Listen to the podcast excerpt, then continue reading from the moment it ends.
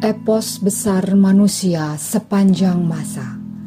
Mahabharata Ramayana ditulis oleh C. Raja Gopalacari diterbitkan oleh Ircisot dibacakan oleh Nyonya Wage dan Tamu Wage bagian kedua Ramayana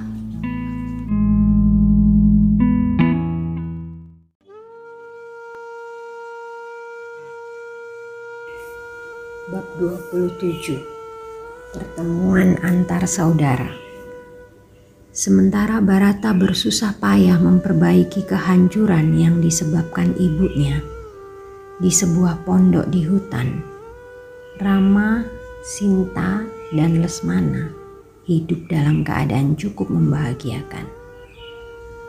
Pemandangan gunung dan hutan yang mempesona serta kicau burung yang merdu menggembirakan hati Rama.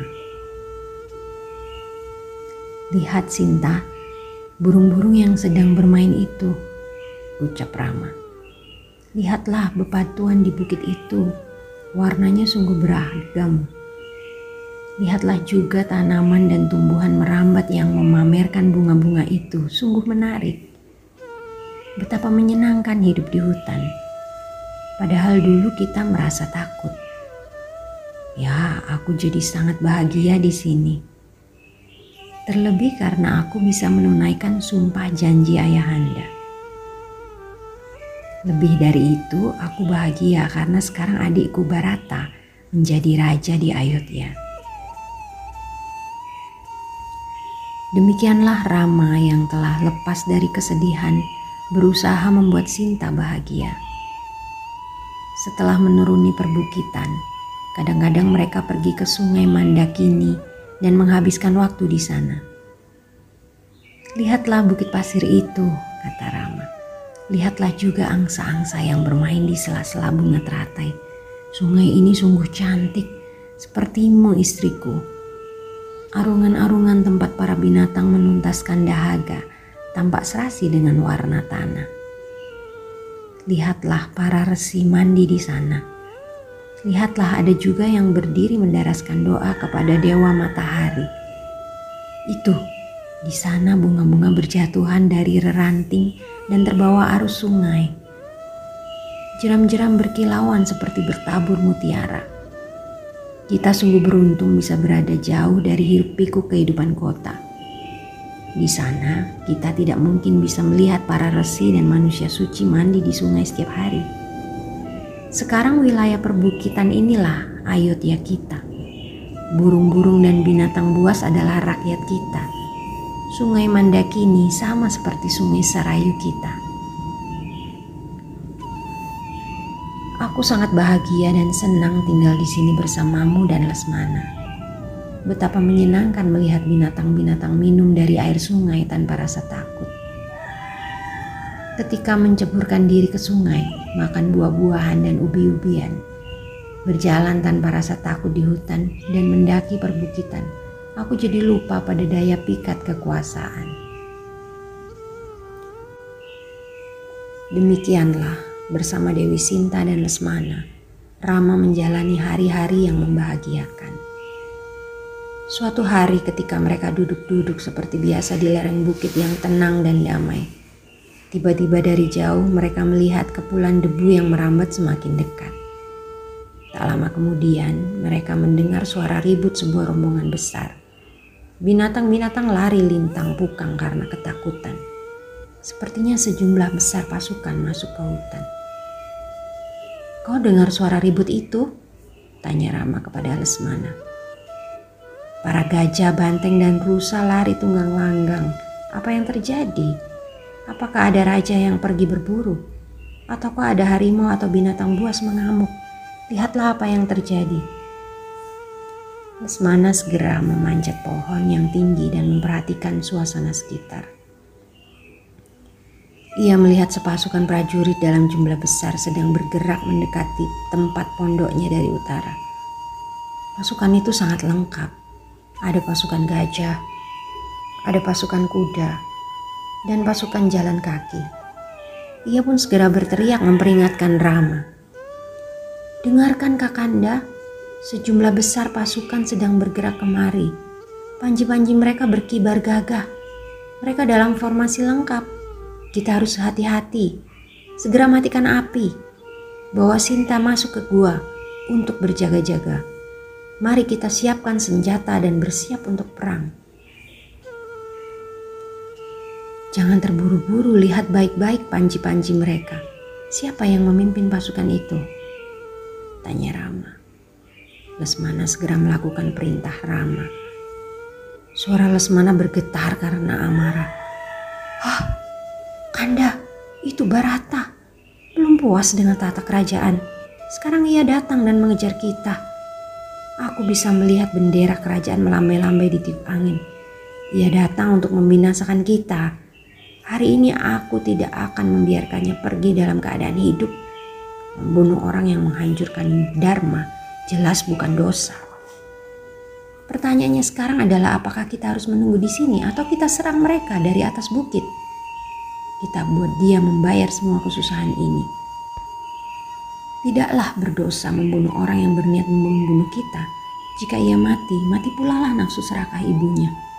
Kau akan saksikan jalan-jalan setapak di hutan ini bermandi darah, seperti pohon yang roboh diterjang gajah. Demikian pula Barata yang akan kutumbangkan. Ayo kita hancurkan pasukan itu, biar mereka jadi makanan binatang-binatang buas di hutan ini. Demikian kata Lesmana pada diri sendiri dalam amarah yang berkobar-kobar. Rama menenangkan Lesmana. Aku tahu jika mau kau bisa menghancurkan tujuh dunia. Dengarkan aku, kau bisa bunuh Barata dan pasukannya dengan mudah. Tapi ada yang harus kita pertimbangkan sebelum melangkah lebih jauh. Tidak mematuhi perintah dan mempermalukan orang tua serta membunuh saudara sendiri akan beroleh nista.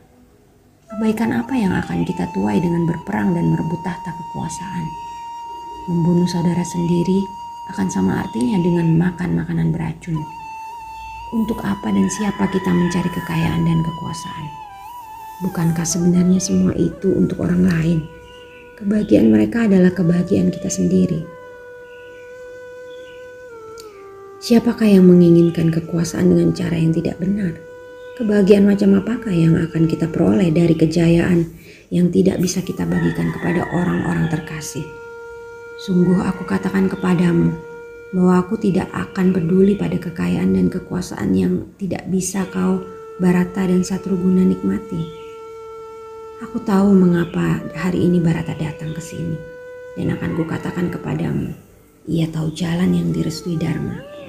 Ia datang kemari untuk memberikan tahta kerajaan kepadaku. Seandainya dulu ia tidak pergi ke rumah pamannya yang amat jauh itu, ia pasti akan membujuk ibunya. Ayah anda tidak akan mengalami duka cita yang sedemikian pedih.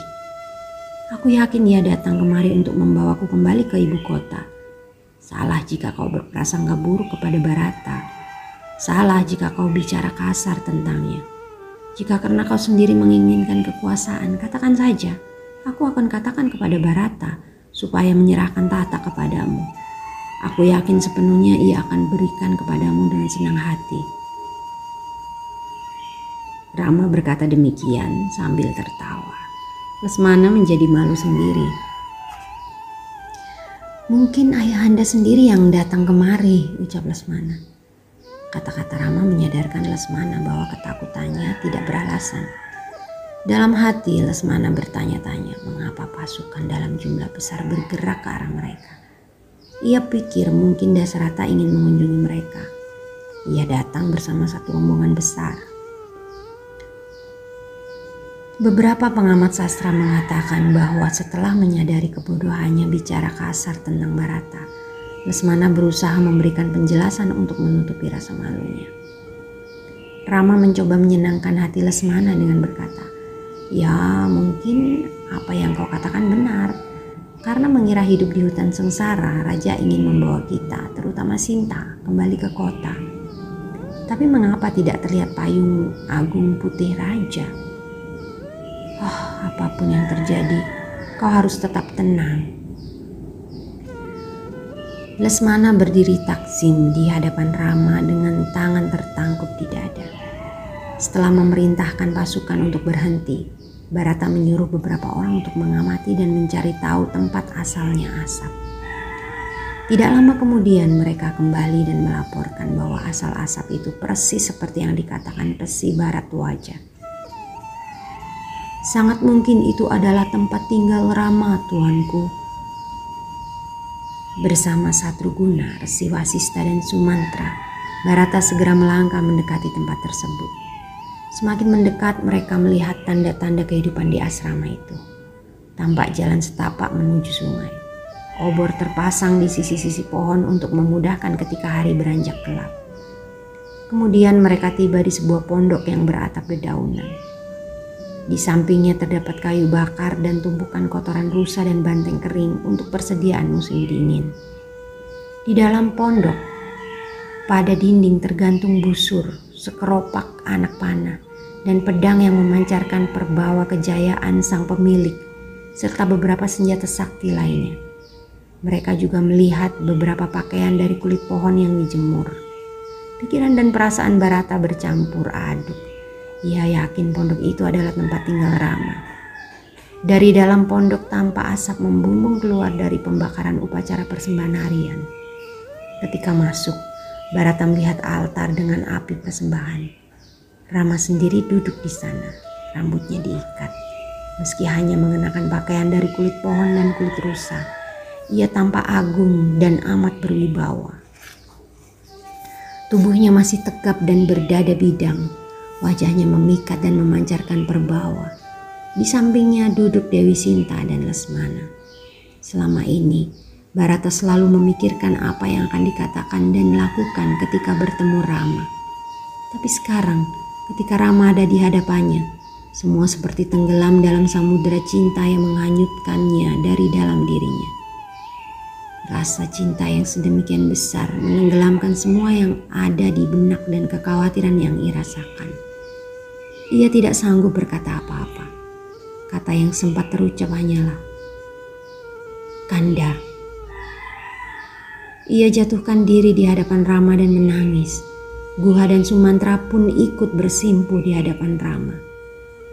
Rama menatap Barata yang berpakaian kulit pohon dan mengikat rambut yang bersimpuh di hadapannya. Karena kesedihan dan puasa, Barata sedikit kurus. Ia tampak lelah dan sedikit hitam karena terbakar matahari. Rama peluk Barata dan cium kepalanya. Adik terkasih, mengapa kau tinggalkan ayahanda dan pergi ke hutan ini? Mengapa kau kelihatan sangat kurus? Barata kehilangan kata-kata. Seperti lazimnya ketika bertemu dengan keluarga yang telah lama tidak bertemu. Rama bertanya kepada Barata.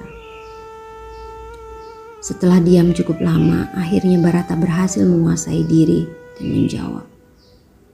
Mengapa Kakanda bertanya kepadaku tentang kerajaan seolah-olah akulah rajanya? Apa hubunganku dengan kerajaan? Jika Kandalah raja yang sah, bagaimana mungkin aku menyebut diri raja atau penguasa kerajaan?